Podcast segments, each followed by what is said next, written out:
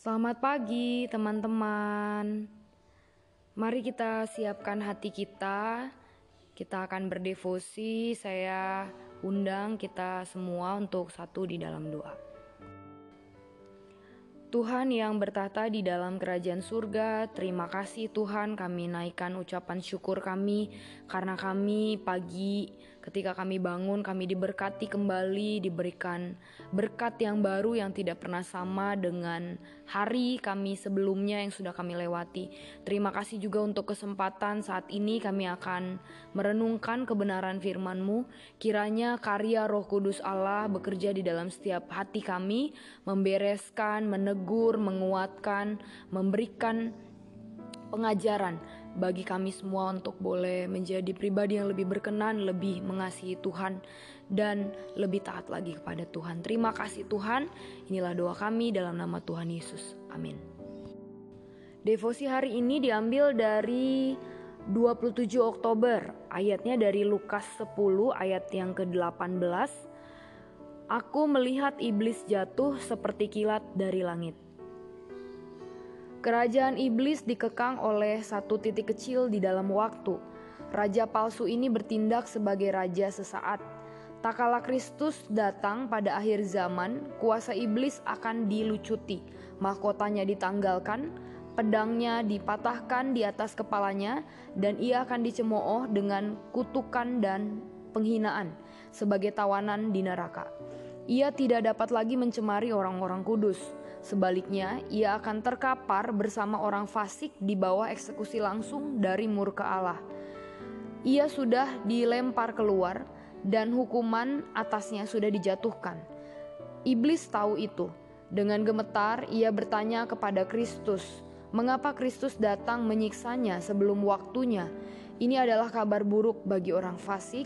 Raja mereka tidak dapat bertahan lama di tahtanya.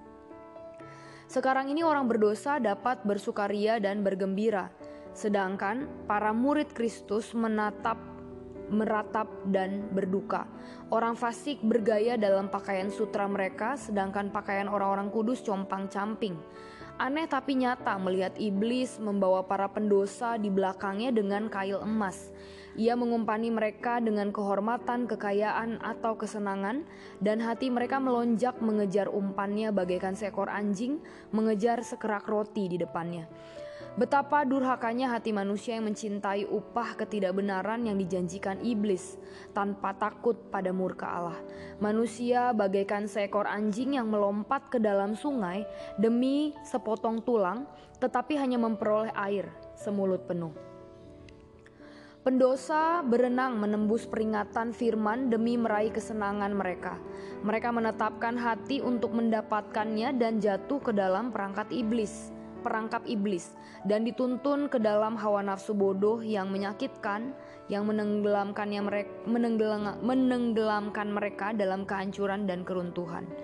Ya, raja pembual ini memberitahu Anda apa yang akan dia berikan, tetapi dia sendiri tersungkul, tersungkur kata seorang pendosa. Kesenangan dan kehormatan yang ditawarkan iblis diberikan pada masa ini, sedangkan janji-janji Kristus harus kita tunggu.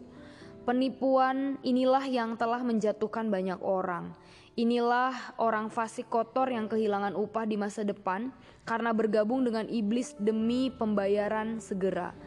Oh, kegilaan yang begitu nekat karena telah bersedia menerima murka Allah, ganti kesukaan, yang hanya berlangsung sekejap.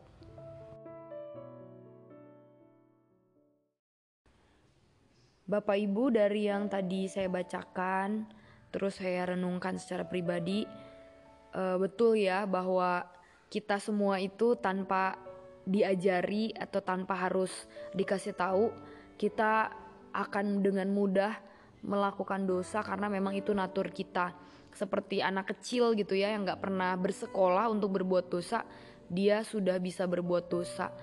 Uh, dan kayaknya apalagi kalau misalnya ditambah iming-iming gitu ya kita akan uh, mudah makin jatuh di dalam uh, jerat iblis gitu ya.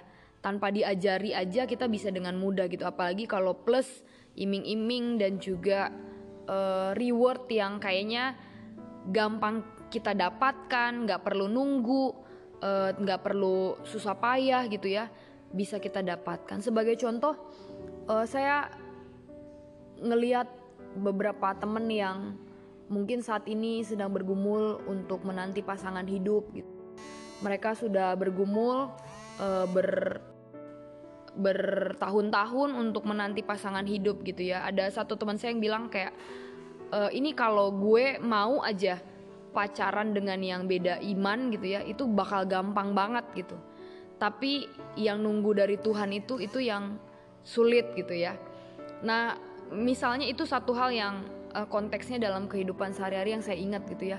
Ketika kita taat kepada Tuhan itu memang kadang perlu proses dan waktu. Tapi ketika misalnya kita uh, mau uh, yang cepat itu gampang gitu ya mau yang mudah itu iblis selalu menyediakan gitu ya. Uh, bahkan menyediakan cashback gitu kali ya kalau pakai istilah belanja saat ini. Uh, tapi lewat renungan yang kita baca itu di lagi kalau iblis itu punya masa waktu gitu ya punya punya masa di mana dia akan kalah dan kesenangan-kesenangan yang ditawarkan itu tidak ber, tidak bersifat kekal gitu. Dan itu sangat uh, menghancurkan kita di akhir ketika nanti Tuhan Yesus datang dalam kemuliaannya kedatangan yang kedua kali di situlah kita akan uh, menyadari bahwa ketika kita taat kepada Tuhan itu uh, satu hal yang menyukakan karena nilainya kekal gitu. Ketika kita mengikuti hawa nafsu kita di dunia, sifatnya sementara. Paling kita bisa uh, melakukan dosa gitu ya atau bersenang-senang itu ya paling berapa firman Tuhan bilang 70 tahun.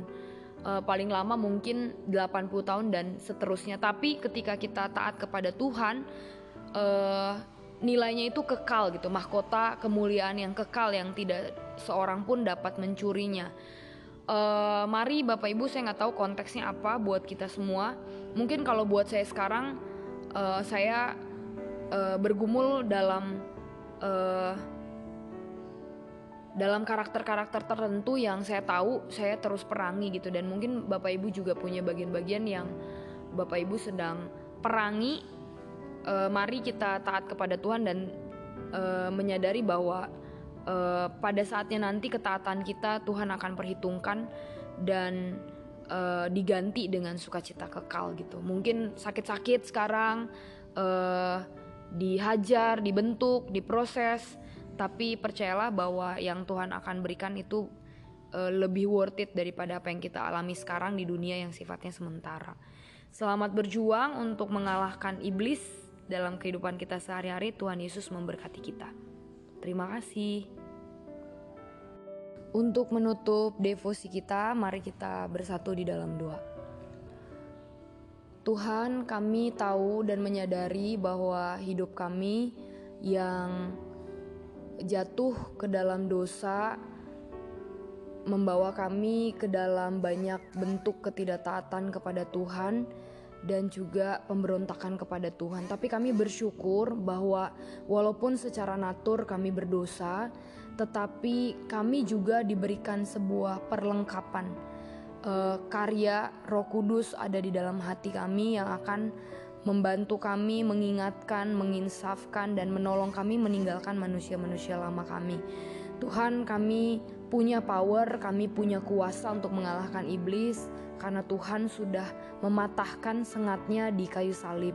Tolong kami dalam kehidupan kami, Tuhan, eh, hari lepas hari, konteks demi konteks pergumulan dalam kehidupan kami, biarlah kami boleh menang bersama dengan Tuhan, memakai uh, karya Kristus dan juga Roh Kudus yang memberi kuasa buat kami untuk boleh hidup taat berkenan kepada Tuhan.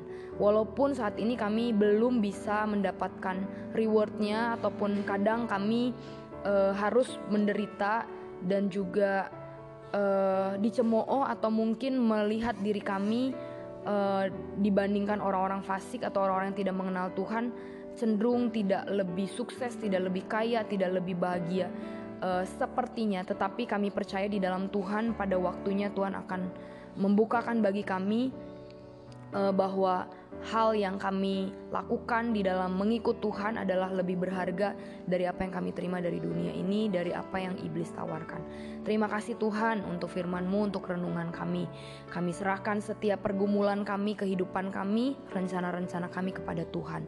Di dalam Kristus, Allah, Raja, kami, kami berdoa dan mengucap syukur. Amin.